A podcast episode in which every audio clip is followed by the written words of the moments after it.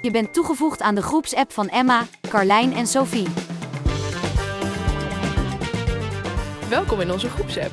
Ja, dit is de podcast waarin wij Emma, Carlijn en Sophie, ze zitten hier naast me, eh, jullie meenemen in onze week als redacteuren van Ensemble. En alles daarbuiten. Ja, roddels, meningen, tips.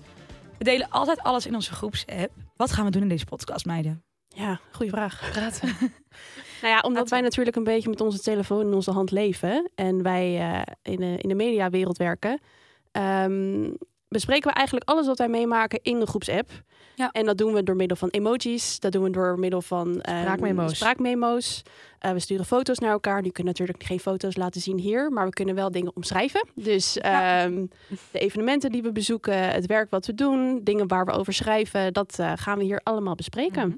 We hebben ook nog een aantal unpopular opinions. Want alle gekke meningen, stellingen stuur je toch in de groepsapp. En er Ja. wordt flink over gediscussieerd. Ja. Dus ook dat gaan we doen. Dat is heerlijk, toch? Delen Lekker tips. discussiëren in de groepsapp.